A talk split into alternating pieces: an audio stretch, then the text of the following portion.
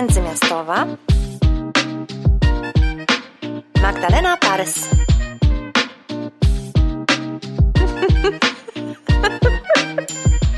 Dzień dobry Państwu, witam serdecznie z Berlina, jak zwykle z Berlina w 29 odcinku Międzymiastowej. No muszę powiedzieć, że trudno mi uwierzyć, e, że spotykamy się e, już od tylu tygodni. W zasadzie Międzymiastowa jest gościem w Waszych domach od pierwszych dni pandemii. Spotykamy się teraz regularnie co dwa tygodnie. Gościmy niezwykłych, ciekawych, nietuzinkowych gości i oczywiście gościnie. E, no i dzisiaj naszym kolejnym gościem będzie ktoś niezwykle ciekawy. Jezu, co mam z tym słowem niezwykle?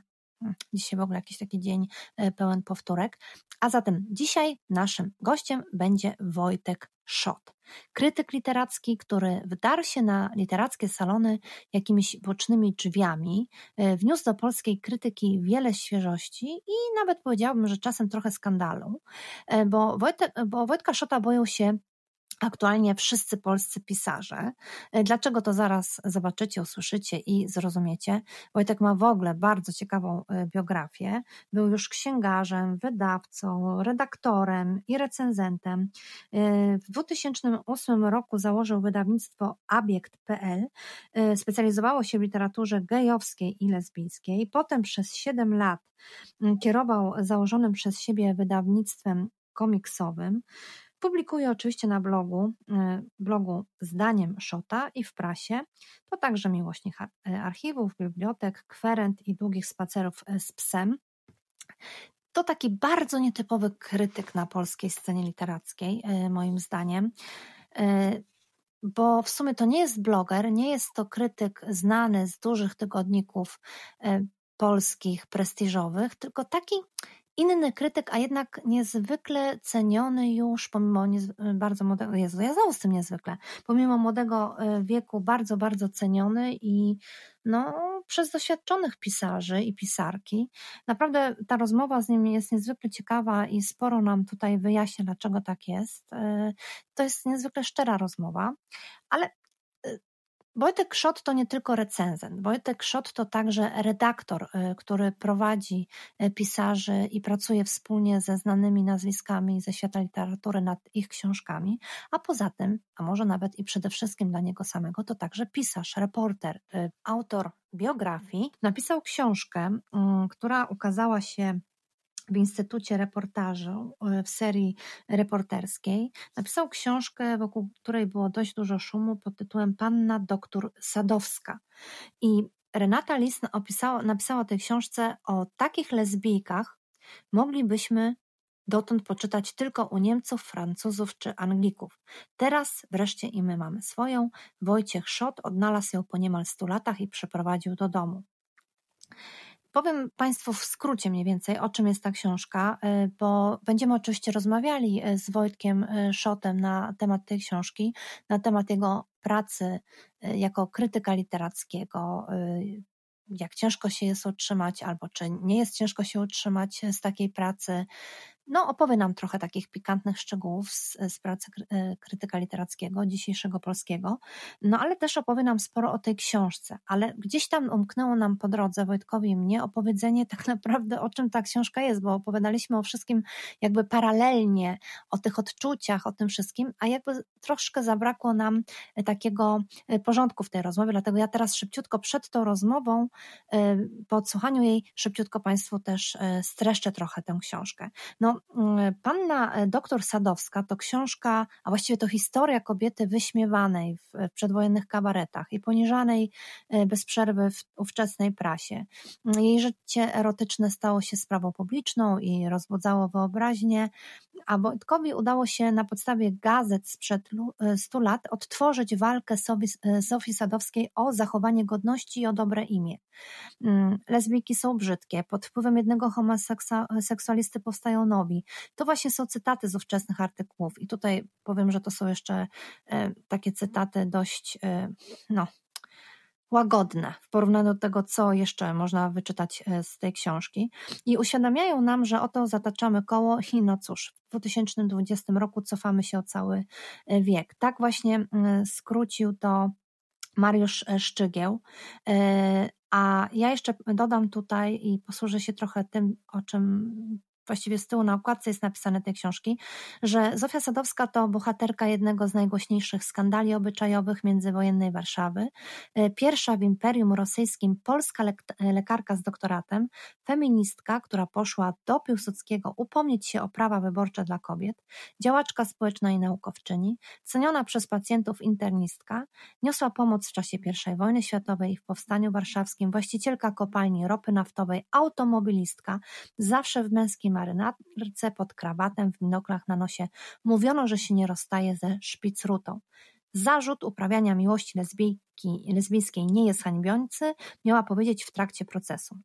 Brukowce, z którymi walczyła, y, oskarżały ją o organizowanie lesbijskich orgii, uwodzenie pacjentek i przyczynianie się do rozpadu kilku małżeństw, a nawet o doprowadzenie do dwóch zgonów.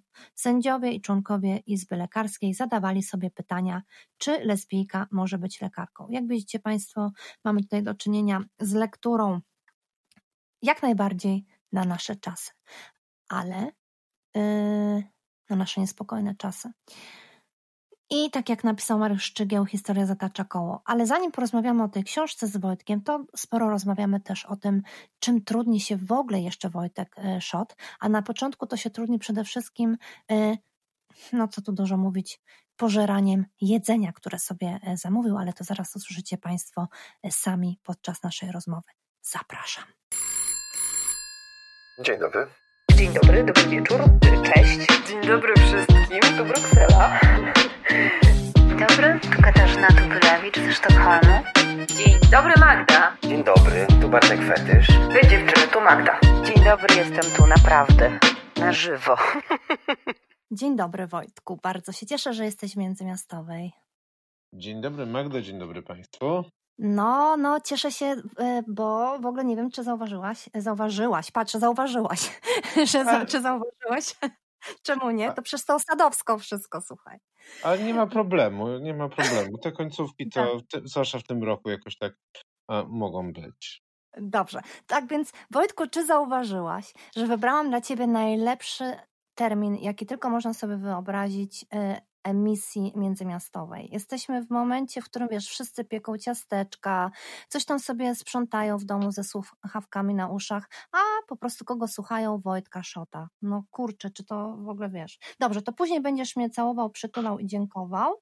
A, a e, teraz Idealny moment, tak, to pieczenie ciasteczek i obzdabianie pierniczków to oczywiście idealny moment, żeby posłuchać o martwych lesbijkach sprzed 100 e, lat. Tak, czemu nie? Ale poczekaj, zanim do tych lesbijek dojdziemy, to ja Ciebie wcześniej wymagu, wymagluję w zupełnie jeszcze innym temacie, bo ja bym chciała wiedzieć, czy Ty jesteś bardziej spięty, kiedy zadajesz pytania swoim gościom, czy raczej wtedy, kiedy jesteś przepytywany? Chyba bardziej, kiedy ja zadaję pytania, zwłaszcza jeżeli gość e, lub gościni jest e, trudna w e, rozmowie e, i, i niewygadana. To, to zwłaszcza się zdarza, jeżeli ktoś rozmawia o swojej książce na przykład po raz pierwszy w ogóle publicznie, to wtedy nie ma na przykład przygotowanych fajnych historii, nie ma anegdotek. Wtedy trzeba ciągnąć za język i to jest e, bardzo skomplikowane, czasem się robi. A kiedy mogę opowiadać, to nie, no ja jestem gaduła, jeżeli mi się pozwala, to, to jest super. Jeżeli ktoś chce słuchać, to jestem tym bardziej wdzięczny. O, no to super, czyli ty jesteś nie ten trudny e, rozmówca, tylko ty jesteś ten e, łatwy, gdzie po prostu, wiesz, będę musiała ci przerywać, mówić halo, halo, chciałam zadać jakieś pytanie. E, zobaczymy Państwo też didaskalia. W międzyczasie na pewno będzie szczekał pies, ponieważ przyjedzie dostawa jedzenia, ponieważ dzisiaj nie było czasu ugotować niczego, więc różne rzeczy będą nam niestety pewnie troszeczkę przeszkadzać, ale to, rozumiem też, że montaż nam to jakoś pomoże. Nie, nie, u nas, kochany Wojtku, nie ma żadnych montaży. Właśnie nasz e, cały flair międzymiastowej polega na tym, że jedziemy, wiesz, prawdą e, i w ogóle, wiesz, tutaj jak będziesz chrupał, e, coś zajadał, twój pies będzie szczekał, to wszystko włączymy do programu. Oczywiście trochę żartuję, a trochę nie. Mm, cieszę się, że jesteś właśnie takim rozmówcą, bo ja takich uwielbiam. Najgorzej jest właśnie, jak komuś musisz wszystko z nosa wyciągać, to jest tragedia. Ale mm, widzisz, zanim przejdziemy do Sadowskiej, naszej tutaj, doktor Sadowski, musiałam się do tego przy, przyzwyczaić, czytając doktor Sadowska, a nie, e, wiesz, jakoś e, te żeńskie formy. Właśnie tam się zdecydowaliście na taki bardziej język, no znaczy właściwie nie zdecydowałeś się, tylko tak było podyktowane, bo tam bardzo dużo cytatów jest. Patrz, już mówię, że nie będzie o Sadowskiej, a już nie mogę się doczekać. O nie, nie, spokojnie, po kolei. Słuchaj, zacznę od cytatu z twojej strony facebookowej no na której to doszło do jakiegoś zamieszania i wskutek czego straciłeś do niej dostęp. Musiałeś stworzyć nową. No, nie chcę jakby mówić o tych wszystkich technicznych sprawach, a raczej skupić się na tym, jaki to znalazło oddźwięk wśród pisarzy i Twoich czytelników. E, jeden z na przykład z pisarzy udostępnia Twoją stronę, Twoją nową stronę u siebie na Facebooku i pisze równocześnie u Ciebie i u siebie na stronie Wojtek Szot jako jedyny, z tego co wiem, zjechał moją książkę. Do tej pory nie zalajkował też żadnego, żadnego napisał też dużymi literami, żeby, dla jasności, tak? Nie zalajkował też żadnego z moich ponurych zdjęć. Już to wystarczy, żeby go regularnie czytać, co czynię i Wam polecam. O, jest jedzonko. Jest jedzonko, na tym będzie kilka.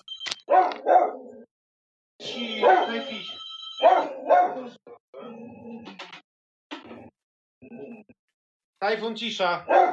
Cicho. Zobaczcie Państwo, przez ten czas, jak Wojtek będzie sobie tam odbierał jedzenie. E, tak, ja właśnie, ja właśnie, e, e, właśnie otworzyłem. Nie, nie, nie, jeszcze otw dopiero otworzyłem. Panu teraz jeszcze będzie odebrać. Pies się cieszy jak głupi, jak zawsze, jak ktoś A ja chciałam, kurczę, no słuchaj, a ja chciałam w tym czasie poplotkować, jak nie będziesz słyszał. To poplotkuj, to poplotkuj, dobrze, dobrze. dobrze, to ja plotkuję. No, proszę Państwa, Wojtek Szot jest niesłychanym żarłokiem bez przerwy tylko je. I właśnie się dzisiaj obawiałam, że jak e, będziemy nagrywać tę rozmowę, to jak ona będzie wyglądać, jak on będzie głodny. A z Wojtkiem Szotem, głodnym, krytykiem literackim i pisarzem, lepiej nie zadzierać. Także tutaj przez ten czas poplotkowałam. My się przez ten czas napijemy teraz wspólnie kawy z Państwem krótką przerwę Zobaczcie, to jest niecierpliwe rozstartowanie torby przez Wojtka, który wyciąga jakieś żarło. Mm. Także, o matko, tam jest ktoś bardzo zniecierpliwiony i bardzo głodny. Dobra, musimy jednak zrobić przerwę, bo widzę, że Już, Wojtek... już jestem, już jestem.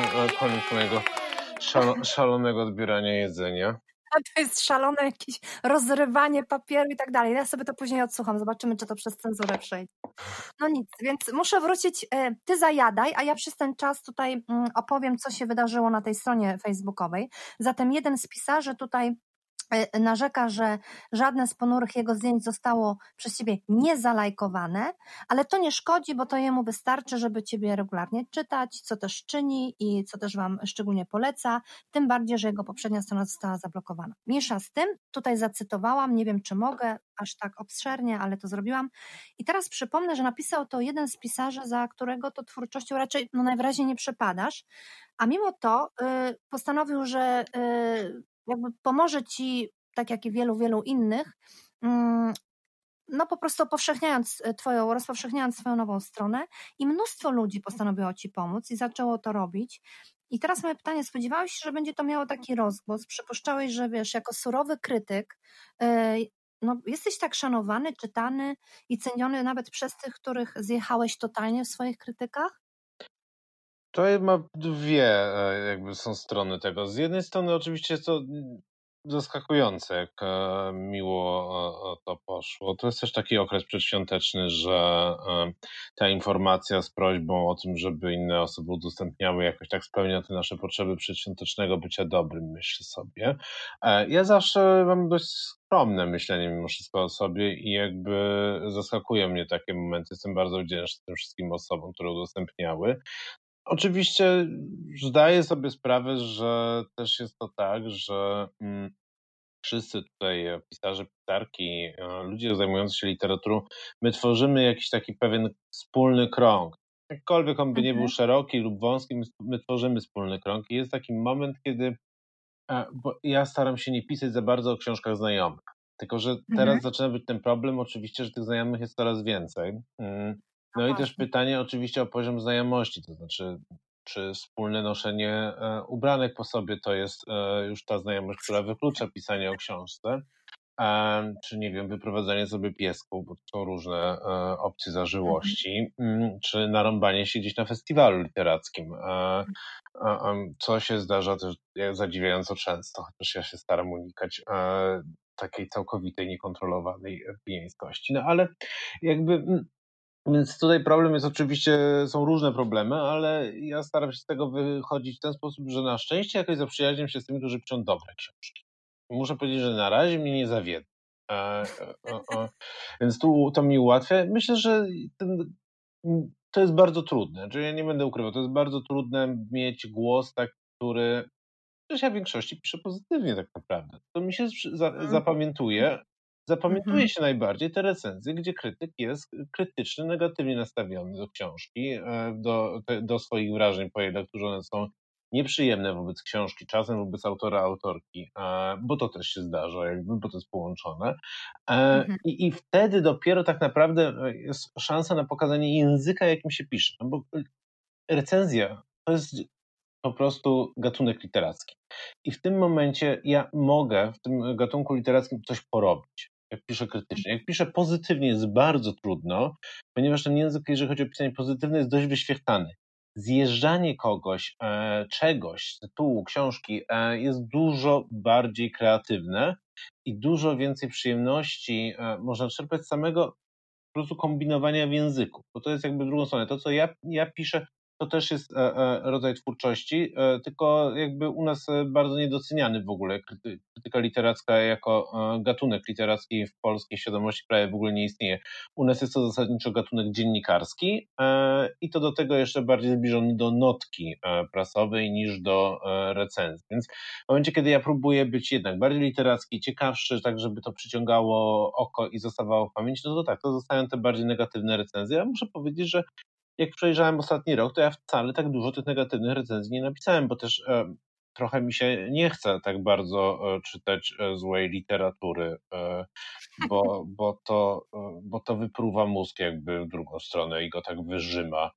Jakbym mhm. miał czytać przez cały miesiąc na przykład Remigiusza Mroza, którego ja w ogóle bardzo lubię, tego człowieka ale mhm. bo to jest naprawdę super facet, on jest bardzo mądry i jest bardzo przemyślany i w ogóle e, e, eloziom, e, ale gdybym miał czytać e, Remka książki przez miesiąc, no to ja bym później potrzebował długich wakacji.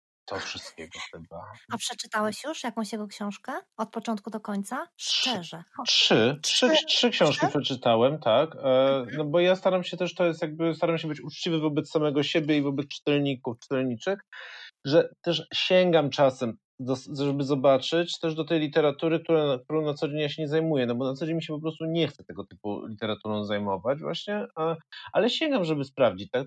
Ja czytam Blankę Lipińską, e, czytam Remigiusza Mroza, czytam Katarzynę Bondę, e, czytam e, Kuzyńską, to znaczy kiedyś czytałem, już nie będę, mhm. bo przeczytałem ostatnią książkę i jednak nie.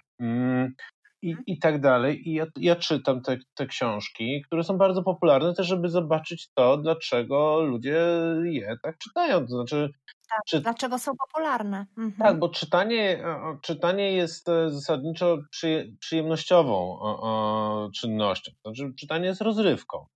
Tak.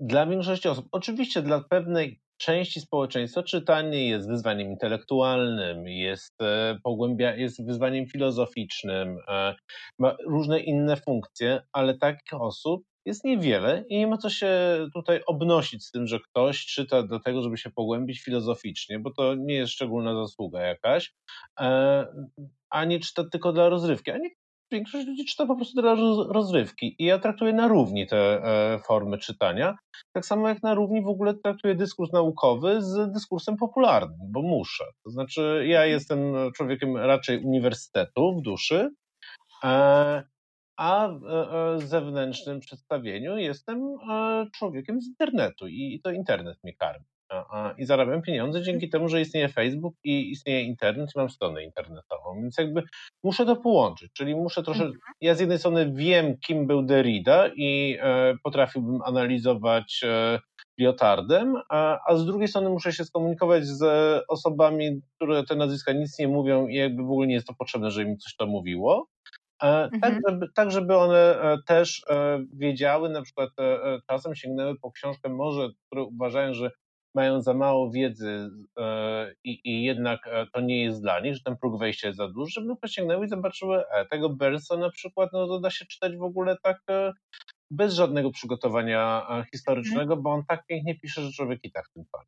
O. Wiesz coś, świetnie, że, że to wszystko mi teraz opowiedziałeś, bo coś mi właśnie wytłumaczyłeś, co mnie od jakiegoś czasu no dość frapowało, zastanawiało, bo próbowałam cię gdzieś umieścić. I wiesz, i Wojtka Szota nie da się nigdzie umieścić. Wojtek Szot sobie właśnie tam teraz będzie podgryzał i jadł, a ja y, zrobię sobie taki mały wywód, korzystając z tego, że je i nic nie mówi, bo zaraz mnie zagada, a mnie zagadać jest ciężko, chociaż to dzisiaj Wojtek ma gadać. Y, właśnie rozmawiamy o tym wszystkim, wiesz, bo moim zdaniem wdarłeś się na tę scenę literacką y, i właściwie też na scenę też krytyki literackiej, nie tylko wiesz, teraz jako pisarz, bo pisarz od niedawna, ale na scenę tej krytyki literackiej w jakiś taki jakby to powiedzieć, takimi bocznymi, zupełnie nieznanymi drogami. E, nawet powiedziałabym, że jesteś takim pionierem, bo widzisz, nie jesteś blogerem, e, e, chociaż jeśli byś chciał się tak nazwać też, to oczywiście proszę bardzo, ale jednak nie jesteś już tak widziany, bo bloger to często jest ktoś taki właśnie dzisiaj, wiesz, któremu można, no niestety, od, znaleźliśmy się w jakimś takim dziwnym momencie, że pisząc książkę, e, wysyła się blogerom, znaczy ja się o tym e, właśnie niedawno dowiedziałam, bo zobacz, no muszę tutaj zrobić taki mm. wstęp. Jeśli piszesz e, książkę co kilka lat, tak jak jest w moim przypadku, a na przykład drugą część trylogii napisałam po sześciu latach, pomiędzy napisałam zupełnie jakąś inną książkę, porwałabym się nawet na słowo, że taką bardziej literacką, no to nagle się stało coś takiego, że przez tych sześć lat wydarzyła się jakaś nieprawdopodobna rzecz, to znaczy nagle zmieniła się sprzedaż e, forma sprzedaży książki, forma jej reklamowania, niby tylko 6 lat, a 6 lat mm, olbrzymi czas, jakby 100 lat minęło. Już nie ma, już nie liczą się tak bardzo recenzje w dużych, poczytnych tygodnikach, tylko bardziej wierzy się i czyta się, e, e, czy ogląda się obrazki na Instagramie, właśnie przez tych czytelników, którzy chłoną e, literaturę stricte jako rozrywkę. I dopiero z czasem może dojrzewają do czegoś więcej. Ty właśnie stałeś się takim komunikatorem między tym, właśnie właśnie, nie wiem, jakoś ich tam w pewien sposób edukujesz właśnie. Masz zasięgi też czy do, dochodzisz do różnych ludzi, do których na przykład niekoniecznie tygodnik polityka by doszedł, prawda? Czy niekoniecznie by sobie tę e, recenzję Justyny Sobolewskiej czy Macieja Roberta przeczytali, a ciebie jednak przeczytają, bo tak jak mówię, wszedłeś przez Facebook, wszedłeś przez e, media społecznościowe i powiedziałabym nawet, że twoim mm, recenzjom ufa się tak, bardziej. Właśnie dlatego, że nie jesteś związany z nikim i z niczym, że nie można kupić u ciebie recenzji, że nie można kupić u ciebie zdjęcia, że nie można ciebie owinąć wokół palca, czy tam wiesz, po prostu nakarmić czymś. Ty i tak napiszesz to, co ty uważasz, a nie to, co ci ktoś narzuci, czy to, co pasuje. Jesteś mhm. wolny. Tak, tak. Yy, i, I wydaje mi się, że nawet jeśli płacisz za to olbrzymią cenę, bo to tak na pewno jest, to jednak zbierasz za to owoce tego, że okej, okay, jak Szot napisał, to naprawdę tak jest. Znaczy, on tak uważa i, i możemy mu zaufać. Tam nie ma żadnych przekrętów. Wow, e, to dużo bardzo miłych rzeczy. To znaczy tak, oczywiście nie da się kupić, chociaż ja też mam oczywiście współpracę komercyjne, tak, przy różnych książkach. E, z tym, no tak, że ale... dzięki temu, że ten mhm. profil e, mój już od początku był taki trochę upper, troszkę, jakbyśmy to nazwali, to do mnie nikt nie przyjdzie ze złą książką, żeby ją promować. Że jakby ktoś przy, że czasem zdarzają się jakieś propozycje takie właśnie na zasadzie, że szot podrasuje troszeczkę, że jak szot napisze o tej książce dob dobrze, to ona będzie lepsza niż ona jest e, e, sama w sobie. E, no ale to jakby nie, to mnie nie, nie interesuje, bo to by bardzo źle się skończyło, jakby i bardzo szybko by czytelnicy, czytelniczki zobaczyli, że to jest fałsz. E, bo to się nie da tak napisać. To, to po prostu musisz czuć książka albo nie. Oczywiście, jeżeli ktoś chce więcej, Instagram, zdjęcia, to, że ja przez dwa tygodnie jakoś o tej książce mówię, no to tak, to te współprace są często zapłacone. E, chociaż też bardzo często nie są. Ja się rzucam na niektóre książki i tak po prostu i nagle robię jakieś akcje, zapraszam, zapraszam robię akcje, coś piszę, więc jakby no to musi być połączone. Część e, rzeczywiście jest e, gdzieś tam we współpracy, no ale tak jak mówię, nikt nie przychodzi ze słabą literaturą i ja nigdy bym takiej nie wziął. To jest oczywiście problemem, no bo za tą lepszą literaturę one przeważnie zadziwiająco ma niższe budżety. Jak ostatnio usłyszałem o takiej dużej książce, nie będę wymieniał tutaj autora, e, no książka ma naprawdę sporo stron i jest e, no, takim prezentowym hitem, jest całkiem ciekawa. No i dowiedziałem się, że cały budżet e, to jest na promocję zewnętrzną, czyli nie przez wydawnictwo, tylko zatrudnianie innych osób, to jest 1000 złotych, to jest cały budżet na tą książkę i że, ja mhm. i, i, że ja zeżrę cały ten budżet. No to właśnie teraz e, jem pad mm, dzięki temu. I to sto, z tofu nawet, więc taki też e, ze e, wyższej półki niż tamten był najtańszy. No trochę żartuję sobie, no ale tak... No ale, to, ale właśnie nie. Właśnie widzisz, dobrze Wojtek, że o tym mówisz. Mówisz o rzeczach, o których nie powiedziałaby mi nawet blogerka książkowa, która na przykład głównie z tego żyje, że pokazuje się z książkami na zdjęciach, że pokazuje się przez media społecznościowe i tak naprawdę każda jej krytyka jest dobra, no bo ktoś jej za to zapłacił, a mimo wszystko nie zdecydowała się, żeby mówić ze mną czy opowiedzieć mi o tym, jak to funkcjonuje. A, e, a bo, ludzie mają, bo ludzie mają zahamowanie. Jakby ja w takich kwestiach uważam, że możemy sobie grać w otwarte karty, mi jest już wszystko jedno troszeczkę. Ja niewiele mam też do stracenia. No um, właśnie. W takim mówieniu. No. Ja mo mhm. mogę dzięki temu trochę więcej, co oczywiście obry obrywam po dupie w innych, e, w innych, wielu różnych innych sytuacjach. No, a bo też no tak, bo gdzieś, gdzieś tam wizerunko, wizerunkowo to jest zawsze takie właśnie, ludzie mnie, ludzie mnie lubią, ale ci, którzy decydują często e, niekoniecznie, dużo osób ma do mnie spory, spory dystans na przykład. No okej, okay, bo ja też nie jestem człowiekiem, który się tak łatwo zbliża. Mm, więc jakby to e, ten sposób funkcjonuje, że e, no ja muszę z czegoś żyć, tak, a jednocześnie chcę robić to, co, to, co robię i tutaj trzeba teraz dealować między jednym a drugim, a tak, żeby się nie skurwić przeproszeniem. No, no i tyle. Psa nie wystawiam na sprzedaż, były propozycje, żeby, żeby było zdjęcie książki z psem zapłacone, naprawdę. To był chyba najbardziej szokują, szokujący deal, jaki mogłem zrobić i starszą na ponadmiesięczną karmę dla psa, więc e, nawet gdzieś tam rozważałem, ale jednak, ale jednak on tu jest problem trochę z decyzyjnością prawną w ogóle mm, mhm. u Tajfuna, bo on łapką nie umie za bardzo mm, się podpisywać. Mm. Co do tego, od czego zaczęłaś, e, czyli tego, że nie jestem właśnie ani blogerem, ani nie jestem znowu recenzentem, który ma za sobą e, politykę, gazetę wyborczą, czy kogokolwiek tam jeszcze się czyta dzisiaj. Mm. No to tak, na spotkanie kiedyś było takie spotkanie blogerów książkowych.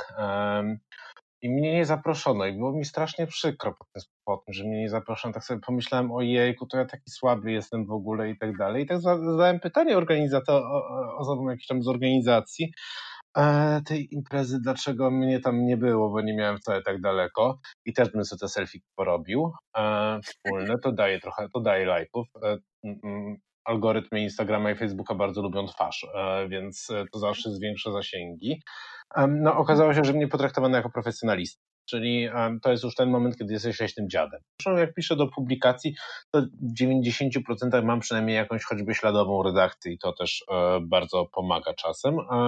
Chociaż w 90% też procentach jest to raczej śladowa redakcja, bo dzisiaj nikt nie ma na nic czasu. Zresztą dzisiaj głównie liczą się dobrze skonstruowane nagłówki, więc to jest e, jedno.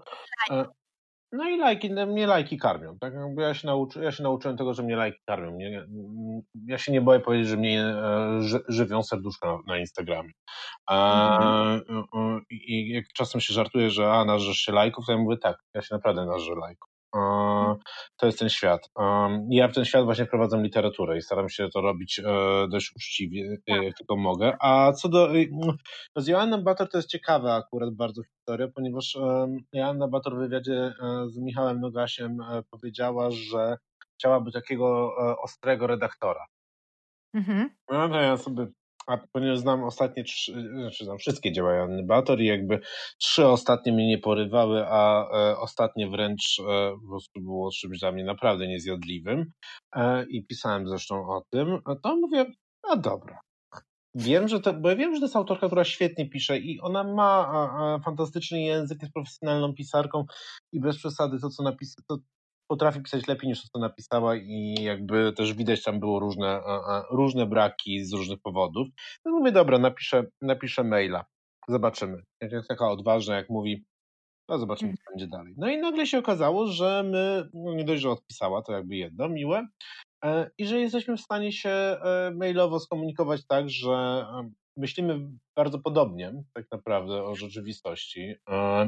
Może Joanna jest bliżej tej rzeczywistości pod tym drzewa, kwiaty i przyroda, a ja bliżej tej rzeczywistości tak, a ja bliżej tej rzeczywistości, że mogę sobie drzewa w Google obejrzeć i mi również czasem starcza. Mm, więc i tak żeśmy się dogadali, że coś zrobimy razem, ona wymyśli jak, jeżeli chodzi o nową powieść. No i ja dostałem po prostu książkę, jak e, Joanna oddała ją do wydawnictwa. Mm, mm, ja ją dostałem do przeczytania i do napisania co zmienić, co wyrzucić, e, e, co, co mi się podoba też oczywiście, e, no ale oprócz chwalenia, no to tu głównie jednak były uwagi merytoryczne, nie wiem, w rodzaju, która postać średnio zbudowana, co w niej zmienić, czy, czy pod tytułem Joanna wywal te 40 stron wstępu. I nawet zostały one. Dużo z tych uwag zostało uwzględnione. Rzeczywiście książka kilka rzeczy merytorycznych takich dogrzebałem się też, bo no dzieje się to w Wałbrzychu, ja jestem z Wałbrzycha i okolic, brzmi tak, jakbym zawsze się tam poruszał, ale, e, ale trochę tak było. Mm, więc e, też znalazłem kilka rzeczy merytorycznych. E, ja miałem bardziej też takie spojrzenie, mm, że no jak kamienica w rzeczywistości tam w 1935 roku miała cztery piętra, to dlaczego, dlaczego ma teraz dwa piętra, ale to jakby mój takie reporterskie patrzenie na to e, się spotkało tutaj bardziej z fikcją literacką. No i, i jakby e, to było bardzo, bardzo fajne, plus jakby w ogóle same, same rozmowy E, o tym, e, co tam się dzieje w tym Bobrzychu i w tej historii e, były myślę, że też ciekawe dla obu stron i, i, a książka rzeczywiście od razu była na bardzo wysokim poziomie. Muszę powiedzieć, że też w porównaniu od razu to było widać, że to w porównaniu do tych, że innych rzeczy, no to jest taki powrót do sporej, sporej formy, naprawdę. Mm. Ale to jest też jakby twoja też taka druga twarz, bo na przykład książka Michała Nogasia też jest, byłeś jej głównym no, redaktorem, e, można powiedzieć, i tam widać ogrom pracy włożonej. Właśnie w takie mm, rzeczy, które pozornie wydają się e, nieistotne, a tak naprawdę sprawiają, że po odłożeniu tej książki masz poczucie, że przeczytałeś nie tylko dobrą literaturę, świetną literaturę, cudowne wywiady z, wiesz, z niezwykle znanymi pisarzami, bo mówimy teraz książ o książce Michała Nogasia, przepraszam, czy dobrze powiem, z jednej półki, bo tyle tych tytułów e, Michał ma z tą półką. Tak się nazywa ta książka, prawda? Z niejednej półki, dobrze mówię? Mm -hmm. E, tak. Mieliśmy tutaj, właśnie gościliśmy też Michała w Międzymiastowej i tam też niejednokrotnie powtarzałam, że to jest nie tylko świetna książka, wiadomo, tak, wywiady Michała i tak dalej, to już jest y, legenda y, polskiej literatury, ale one są też świetnie zredagowane i bardzo dobrze przemyślane, jeśli chodzi o chronologię. W tej książce było niezwykle istotne, jak będzie to poprowadzone, y, czy, jakie będzie otwarcie, co będzie w środku tej książki, a jakie wywiady znajdą się na końcu. To było świetnie przemyślane czasie rozmowy z Michałem okazało się, ile tam było pracy przez ciebie wykonanej, y, czyli sprawdzanie tego, tamtego, ile razy telefonował, jak gdzieś tam był i y, y, się mm, radził i tak dalej. I teraz ja wiem, że ty dużo mówisz i ja też, w związku z tym szybciutko przejdę, zanim tutaj, no bo naprawdę to jest redaktorsko świetnie, świetna robota. Wiesz co, ty zrobiłeś z książki, znaczy z postaci, o której mało wiemy, postać, legendę na miarę naszych czasów. To znaczy, jakby Wiesz, to, to wszystko, co się później wydarzyło na ulicach polskich, y, strajk kobiet i tak dalej, mam wrażenie, że ta książka jest najlepszym wprowadzeniem, jakie można sobie wyobrazić na te czasy dzisiejsze. Po pierwsze, zrobiłeś mm, taką książkę, która jest takim fundament, fundamentalnym dokumentem o feministkach polskich ubiegłego wieku, a z drugiej strony odkałeś opowieść o fascynującej kobiecie, jej odważnym życiu i skandalicznym życiu w Warszawie, pokazałeś tę Warszawę, pokazałeś tych skurczybyków w tych swetrach tamtych czasów, którzy notabene w ogóle niewiele się różnią od tych dzisiejszych i czasem niektóre cytaty, które przytaczasz, to one w ogóle dzisiaj mogą swobodnie funkcjonować. To było ponad 100 lat temu, więcej, a właściwie wiesz, to tak jakby dzisiaj Terlecki nie, to e, rzucił i nikogo by to nie zdziwiło. Powiem ci, że e, Zostawiłam sobie ostatnich 30 stron tej książki, specjalnie jej nie doczytałam, bo ja się naprawdę nią, no kurczę, żeby tutaj Wojtkowi całkowicie woda sodowa nie odbiła, nie? Ale tam trochę niech odbije, co tam. Y, wiesz, jako taką mm, no niespodziankę na wieczór, żeby tak wszystkiego y, y, za jednym zamachem. Poza tym ona jest świetnie przeczytana przez świetnego lektora. Wiesz, jeśli ktoś chce po sobie, rzadko jest to spotykane, że można też taką książkę, która nie jest najprostsza i niezwykle szczegółowa i jest też częściowo takim dokumentem z milionem cytatów, czytać, na przykład słuchać jak to się czyta. E, to też pokazuje wartość tej książki, bo jeśli książka jest słaba, to nawet najlepszy lektor jej nie uratuje. E, a tutaj wszystko zagrało. To znaczy, ja ją i czytałam, i słuchałam, niezwykle mi się podobała. Widać, że tam jest e, niezwykle wielka robota wykonana. Ja nawet nie chcę myśleć, ile ty wiesz, miesięcy, ha, kto wie, czy nie lat spędziłeś w archiwach, mhm. przygotowując się do niej.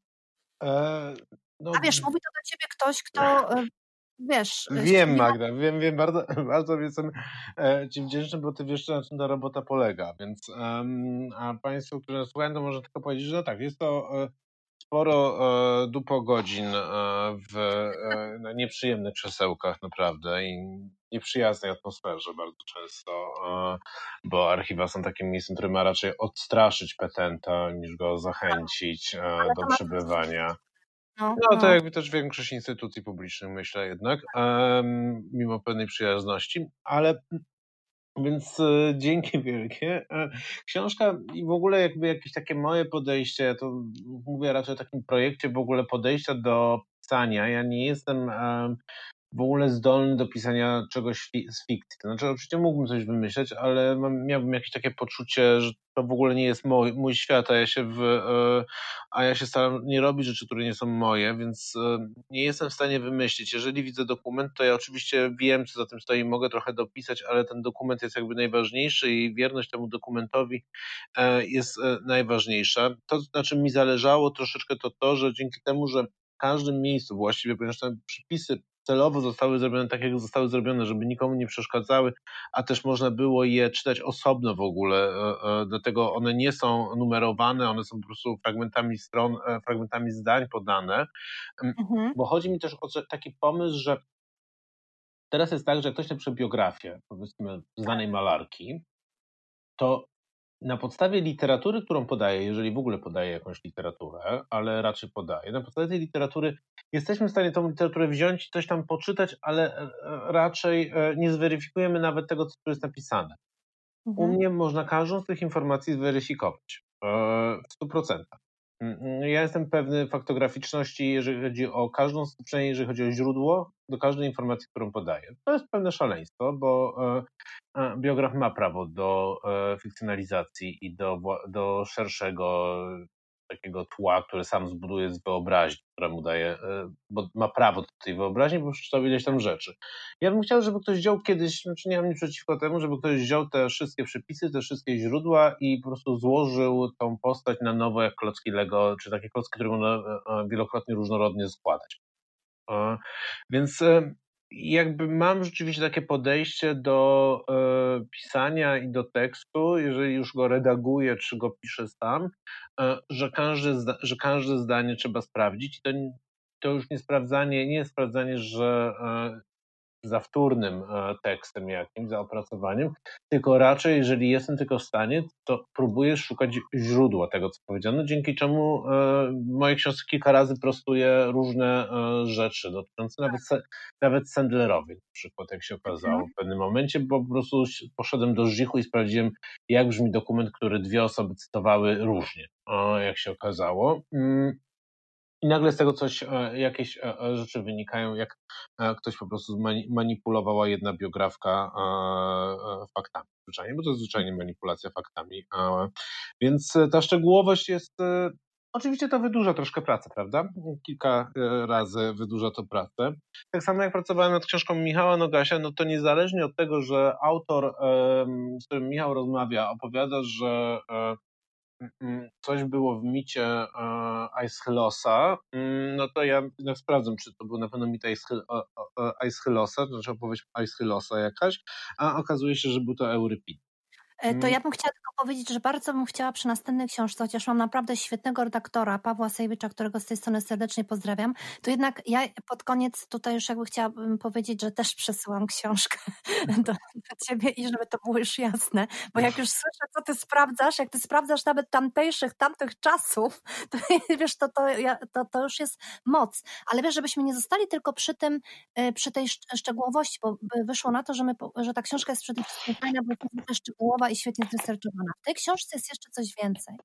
W tej książce nie coś, tam jest o wiele więcej, bo tu chodzi o to, żeby czytając książkę właśnie taką, y, nie mieć wrażenia, że czytasz um, jakieś coś, co nie jest, um, co jest dokumentem, co jest biografią. Tam właściwie czytasz takie rzeczy, które i wiesz, ja musiałam czasami od, odkładać ją, bo nagle się dowiaduję o Tuwimie rzeczy, których nie chcę wiedzieć. Ja kocham Tuwima, kocham go bezwarunkową miłością, e, a tutaj ta bezwarunkowa miłość została trochę, że tak powiem, no co tu dużo mówić, doznałam paru wstrząsów. No nie podoba mi się Tuwim tamtych czasów, jak się obchodził, nawet jeśli to satyra i, e, i tak dalej. E, ja wiem, że Państwo myślą teraz, nie czytają tej książki, co tutaj się dzieje, to ja Państwu powiem, co się dzieje. Wojtek w dalszym ciągu pożera swoje jedzenie, a ja y, robię wnikliwą analizę Sadowskiej i Tuwima, ale y, zapraszam do przeczytania tej książki, ponieważ ona y, przynosi, i serdecznie ją polecam, ponieważ ona przynosi ze sobą takie nowe prawdy. To znaczy pokazuje nam Warszawę ówczesną i Polskę no, w takim, z takiej strony, z której której nie lubimy. I, I, e, o której doskonale wiemy, że Warszawa tak naprawdę tamtych czasów była prowincją, e, a Wojtek w tej swojej książce pokazuje, jak wielką była prowincją. E, wcale nie chciałeś tego na pewno może aż tak zrobić, to nie było twoim zamiarem do końca, ale wiesz, książkę się czyta między wierszami, nie? Wiesz, I... Uh-huh. Wtrąc, proszę, że przerwę ci, wiesz, tak myślę sobie o tym, że po prostu chodził, czy to, to jest efekt trochę tego, że nie chciałem tworzyć, jest naczytany e, książek o przedwojniu, mm, pisanych po wojnie, e, ale też książek e, pisanych przed wojną. I one się bardzo różnią. To znaczy, one się różnią mitologią po prostu, którą tworzą. Książki przedwo przedwojenne, jak się sięgnie chociażby do najbardziej podstawowego wspólnego pokoju uniłowskiego, one są mhm. bardzo, one bardzo brutalnie pokazują rzeczywistość, z tego względu, że one są do niej wobec niej krytyczne i nastawiony jest program na to, żeby modernizować, poprawiać. Później mhm. my chcemy widzieć, że to już było zmodernizowane, że skoro odzyskaliśmy niepodległość, no to przecież co innego nie mogło pójść tutaj, jak nie modernizacja. Ta modernizacja zajmowała sporo, sporo czasu. To często na filmach widać, gdzie ta Warszawa przedwojenna jest wyczyszczona tak, jakby właśnie przechodziła, przeszła kapitalny remont, e, a na ziemiach nie było błota ale to już wiemy. To, to, to akurat ale, wiesz, mm-hmm. O, tym na przykład to świetnie nam pokazała Morfina, prawda? To e, pokora, chociaż nie do końca z Warszawą. Nawet pokorze się udało y, pokazać to Szczepana Twardocha z Berlinem i tak dalej, więc mnie nawet nie chodzi o to.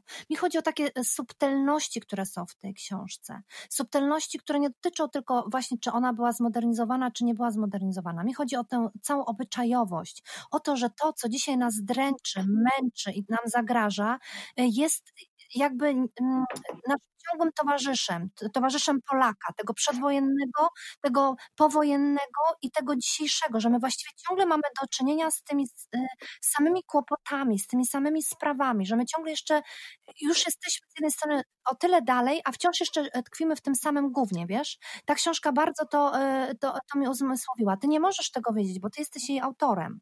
E, ty, Ach. wiesz, ze swoim, mm, bo ty ją napisałeś, wykonałeś ciężką pracę i dałeś, wiesz, włożyłeś w nią cały swój ta talent, a ja czytam w niej coś, co przynosi mi trochę otuchy, a z drugiej strony też mnie przeraża, ponieważ wiesz, nie, nie trudnię się w, i nie zależy mi na pas, pazurze młodej tygrysicy, którą już nie jestem, a raczej starej wróblicy i nie będę pisała żadnej wielkiej rozprawki na temat tej książki, e, ale mm, miałabym ochotę, bo to jest y, naprawdę świetna biografia, a z tego wszystkiego to, jak ona jest świetna, pokazuje, że ja w ogóle nawet nie powiedziałam, o czym ona jest.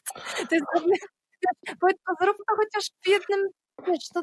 To dobra, to ja tak, w jednym, w jednym, akapi, w jednym akapicie, powiedz o czym napisałeś. Tak. Tak, tak, tak, uwielbiam zadawać to pytanie właśnie o to, to o, czym, o czym jest Pana, Pani książka, bo też nie zrozumiałem. E, a, a, no i teraz tak, e, jakby jedna rzecz, że te wszystkie rzeczy, które Ty mówisz, e, e, super miłe, e, to też jest spowodowane trochę tym, że właśnie jakby wątek kontynuujący, co trochę miałem wcześniej, że tak. Ponieważ wszyscy znamy te opisy, to ja miałem bardzo taki cel, żeby tylko nie powtórzyć tego, że oni chodzili do ziemiańskiej. Bo po prostu ile razy ten czytelnik, czytelniczka może czytać o tym, że oni chodzili do ziemiańskiej i łup opis ziemiański z Witlina, za chwilę łup z, z Zingera opis e, bruku warszawskiego i po prostu e, moja Warszawa Zinger to po prostu e, jedna, jedna, jedna trzecia tutaj e, e, wykorzystała, a cyga, cyganerię Witlina to nawet chyba połowa osób piszących o Warszawie przedwojennej powykorzystywała. Więc jakby dzięki hmm. temu, że ja raczej to o tym to pokazuję poprzez teksty z prasy i, lub teksty, które są mało w ogóle znane, no to, to ten obraz e, e, jest brutalniejszy, a też bardziej może zaskakujący. Książka jest w ogóle o lekarce, która w 23-24 roku najpierw prasa ją oskarżyła o to, że e, jako lesbijka, e, lekarka uwodzi swoje pacjentki, morfinizuje je, narkotyzuje i tak dalej. No i w ogóle jest taką zakałą społeczeństwa, mm, zakałą społeczeństwa, ale z drugiej, stro, ale z drugiej strony e, ona sama idzie przeciwko tej prasie, która ją oskarża do sądu i połowicznie wygrywa, ale sprawa trwa wiele lat nie tylko w sądzie, e, w sądzie cywilnym, ale też w sądzie Izby Lekarskiej. No i tutaj sąd Izby Lekarskiej już się wprost zastanawia 20, od 26 do 28 roku, czy lesbijka może być w ogóle lekarką a, czy od niej odebrać jej prawo do wykonywania zawodu. Więc, no a oprócz tego skandalu, który jest opisywany w prasie i w i na szczęście znalazły się teczki po prostu z protokołami z tego procesu, mm, gdzie są zeznania świadków. E, próbuję w ogóle odtworzyć po prostu życie Zofii Sadowskiej od urodzenia do śmierci, co jest o tyle trudne, bo ja do dzisiaj nie wiem, w którym roku Zofia Sadowska się urodziła. Mm, I tu mogę już e, e, Ci zdradzić, że w ogóle jest nowa koncepcja. Zofia Sadowska być może urodziła się w ogóle 6 lat wcześniej niż podawały dokumenty. Mhm. I coś musiało się dziać z Zofią Sadowską w międzyczasie. Mhm. Mm. Więc e, no, to jest też bardzo ciekawe, e, że nie wszystko człowiek wie mimo lat pracy. Mm, I dalej może coś tam go zaskoczyć. Więc o tym jest e, książka, a jeszcze ten wątek właśnie, no, no, że to jest pokazuje, że się niewiele zmieniło. Tak, bo my tak na dobrą sprawę, no to Polska cały czas, najdłuższy okres w historii Polski, jaki był, to był okres e, rozbioru, nieobecności tak. Polski. Mhm. To był ten moment, te 123 lata, to jest dalej najdłuższy jakiś taki okres historii, no bo mieliśmy dwudziestolecie, które e, trwało trochę dłużej niż e, Trzecia Rzesza, która miała być tysiącletnia, ale też nie trwało długo. Później 50-letni okres, niecałe 50 lat PRL-u, E, i teraz trzecia RP, więc te nasze okresy są bardzo krótkie tak naprawdę i wszystkie projekty e, społeczne, e, modernizacyjne, zmian świadomości cały czas są tak przerywane różnymi wydarzeniami historycznymi, więc pytanie, czy na przykład pole exit, który na przykład mógłby się odbyć w przyszłości, tak, nie daj Boże, który nie istniejesz, no to czy on nie będzie właśnie na przykład takim okresem, tak czy inaczej bardzo, e, my nie mamy tej ciągłości cały czas. My ciągle, ciągle e, ona jest przerywana i ciągle musimy wymyślać się od nowa, stąd też projekty społecznej modernizacji są u nas dużo trudniejsze. Mm. Z drugiej strony w międzywojniu w czasie pracy nad kodeksem karnym e, w komisji Makarewicza byliśmy jednak dość nowocześni, bo jeżeli chodzi o na przykład depenalizację homoseksualizmu, no to byliśmy jednymi z pierwszych i trzeba powiedzieć, że ta dyskusja akurat tutaj, która zresztą miała miejsce w latach dwudziestych między specjalistami w komisji kodyfikacyjnej, no to była taka bardzo progresywna i rzeczywiście ciekawa, chociaż e, oparta na wnioskach, które dzisiaj byśmy nie przepuścili. To znaczy, e, dlatego nie karano, bo uznano, że to choroba. Mhm. A skoro choroba i e, to nie można karać, trzeba leczyć, ale też nie wiemy jak leczyć, ale tym to już karnistów nie interesowało za bardzo. Trzeba też przyznać, że wtedy e, eksperci mieli główny głos. E, na dyskusjach rzeczywiście zapraszano ekspertów, to takie poważne nazwiska od wielu lat, zajmujące się seksualno, e, seksuologią czy też psychiatrią, więc to no, te obrady komisji to byli rzeczywiście specjaliści, to byli sami mężczyźni oczywiście. Mm. Mm. Więc ja to całe tło próbuję pokazać, które jest też e, bardzo, bardzo mało znane. To znaczy historia seksualności, rozwoju wiedzy o seksualności, badań nad seksualnością, polskich prekursorów, tutaj też to są sami mężczyźni, E, polskich prekursorów wiedzy o seksualności. Skąd ta wiedza przychodziła? Czy przychodziła z zachodu, czy ze wschodu? E, przychodziła z, Niem z Niemiec i Austrii naj, naj, najczęściej, chociaż też e, trochę z Rosji. Mhm, tak, ale A. wiesz co, E, to jest o tyle mm, ciekawe, bo wiesz, to jest niezwykle ciekawe, o czym e, tutaj mówisz. Ja właściwie już po raz kolejny zauważam, że w momencie, kiedy trzeba e, kończyć naszą rozmowę, bo jesteśmy już przy 51 minucie, a obiecałam sobie, że po ostatnim, gdzie obiecałam najdłużej 45 minut, a gadaliśmy dużo, dużo ponad godzinę z właśnie z Prawem Sajwiczem przy ostatniej rozmowie międzymiastowej. Obiecałam sobie, że będę po prostu jakby no, rozmawiać z moimi rozmówcami o tym, co najważniejsze. A tu się okazuje, że wszystko jest ważne i w 51 minucie zaczynamy rozkwitać. Ja mam coraz więcej pytań. Ale Wojtku, to nie jest jakby nasza e, pierwsza i ostatnia rozmowa. Jeszcze o tym wszystkim e, porozmawiamy, bo ja jednak chciałabym na koniec naszej rozmowy hmm. powiedzieć, że przy tym wszystkim naukowym, o czym tutaj nam mm, Wojtek opowiadał i tak dalej, to ta książka jest ona ma historię swoją. I to jest niezwykle ciekawe, że można w takiej książce stworzyć, właściwie w takiej książce w pewnym momencie ja zaczęłam e, e, e, czytać ją jak jakiś, wiesz, kurczę, no jak kryminał dosłownie, wiesz, to, to, ci się udało, że właściwie chciałam się e, dowiedzieć, co tam będzie dalej, co ta zezna, co tamten powie, kto, kto ją pogrąży, a dlaczego ona tym automobilem, a czy ona wygra, a ile ona jechała tam na godzinę, no bo e, Sadowska jest niesamowicie ciekawą osobowością, nieprawdopodobnie ciekawą, zapomnianą, którą wygrzebałeś z jakiejś czeluści, też stawiasz tam pewną tezę, dlaczego e, została tak szybko i chętnie zapomniana, to jest niezwykle ciekawa teza, ale robisz to w taki sposób, jak taki opowiadacz przy ognisku, przy ogniu, wiesz, sobie tam siedzimy, opowiadamy tę historię. Ja chcę tego dalej słuchać, ja chcę to dalej czytać.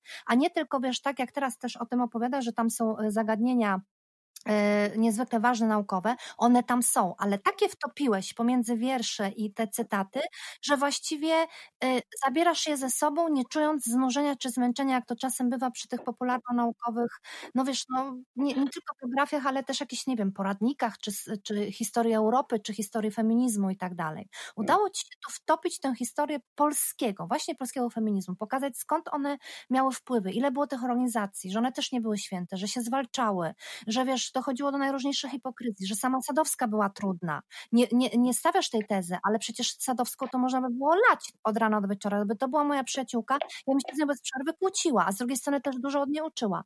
Więc Mówiąc krótko, zapraszamy Państwa bardzo chętnie, y, bardzo, bardzo polecamy tę, tę nieprawdopodobną książkę. I y, ja tak specjalnie się rozgadałam, żeby zagłuszyć Wojtka, bo wiem, że jeszcze by dalej opowiadał o tych wszystkich niezwykle ciekawych rzeczach, a już jesteśmy przy końcu programu. Wojtku, przepraszam cię. E, nie, nie ma za co, ale możemy jeszcze, znaczy ja jeszcze tak dodam e, do tych wszystkich e, miłych rzeczy, które słyszałem. Oczywiście, że jest też tak, że właśnie to łączenie, to trochę wynika z tego samego, co rozmawialiśmy o blogu, o blogowaniu czy recenzowaniu raczej, że no gdzieś pomiędzy schemat. Mhm. Że gdzieś wiesz, pomiędzy e, a tą ambicją naukowego, poważnego pra pracowania i też e, mi bardzo zależy i to jest dla mnie zawsze podstawowa rzecz na komunikacji, na tym, że to było komunikatywne. Znaczy, żeby tak sprzedać wiedzę, e, żeby przy okazji właśnie czytania w miarę wciągającej opowie opowieści, e, której możemy sobie sami wymyśleć, jak ci ludzie wyglądali, działali, że my się też dowiadujemy, dlaczego oni tak działali. E, ale żeby to nie było właśnie e, no, sprzedawane w bardzo szkolny sposób, tylko takim trochę eseistycznym e, stylem, więc ja się cieszę, cieszę się, że to się w jakiś stopniu uda, udało. I, I jakby, no bo tego się najbardziej bałem, ale tu muszę na końcu powiedzieć, że to jest też wielka zasługa mojej znowuż redaktorki, Julianny Jonek-Springer, która e, potrafiła jakby przejść pomiędzy, znaczy znaleźć balans pomiędzy właśnie tymi moimi różnymi potrzebami, opowiedzenia ciekawej historii, opowiedzenia wiedzy, tymi cytatami, których jest bardzo dużo, jednak bo warto było je pokazać czytelnikom, czytelniczkom, bo też coś mówią o tej epoce, e, więc to też jest, to też jest zasługa redakcji bardzo, bardzo duża i dobrej tak. współpracy. Tak, i to właśnie widać też, bo o tym też rozmawialiście z Justyną Sobolewską w tym bardzo ciekawym wywiadzie dla Wyborczej, który przeprowadziłeś z Justyną Sobolewską, gdzie właśnie też jest mowa o tym, jak ważny i jak istotny jest redaktor dla każdej książki i też dla, nawet dla tych najbardziej doświadczonych pisarzy czy reporterów. I tutaj widać tę y, y, wykonaną pracę. I jeszcze chciałam na koniec dodać, że ja to wszystko mówię, pomimo tego, że Wojtek Szot nie wymienił mojej książki jako wśród dziesięciu najlepszych minionego roku, żeby, nie, żeby było jasne, że to nie jest skupywanie się w jakieś żadne e, łaski, czy nie wiem, e, ten po prostu, no, Wyszła świetna książka, Wojtek. Bardzo Ci gratuluję. Dziękuję e, bardzo. Się, wiesz, z niej dowiedziałam. W ogóle uważam, że wprowadzasz na polski rynek książki jako, jako takiej bardzo dużo świeżości i e, takiego czegoś, mm, ja jeszcze znajdę na to słowo, jeszcze proszę Państwa nie znam do końca co to jest, ale to jest coś bardzo istotnego. No po prostu wchodzi nowe pokolenie, e, które może nas stare starych pryków, stare pryczki czegoś nauczyć i otworzyć drzwi. Ja niedługo będę za to szperał w niemieckich e, archiwach, więc też się bardzo wiele nauczę na pewno od ciebie, ponieważ wiem, że jesteś dobrze obcykana w tym. A jeżeli chodzi znowu o tworzenie nowych słów, to e, nie ma jak to język niemiecki, który zawsze bardzo, bardzo przecież pomaga w tworzeniu e, jedno, jednowyrazowych, długich nazw na nowe zjawiska. Więc na pewno znajdziesz, czy po polsku, czy po niemiecku. Na pewno. Wojtku, dziękuję Ci za rozmowę. Ściskam Cię mocno i co? Wesołych świąt życzymy. Dziękuję Ci bardzo, dziękuję Państwu i e, no, wesołego e, czasu e, z udziałem choinki. Dokładnie. Do widzenia, bye bye.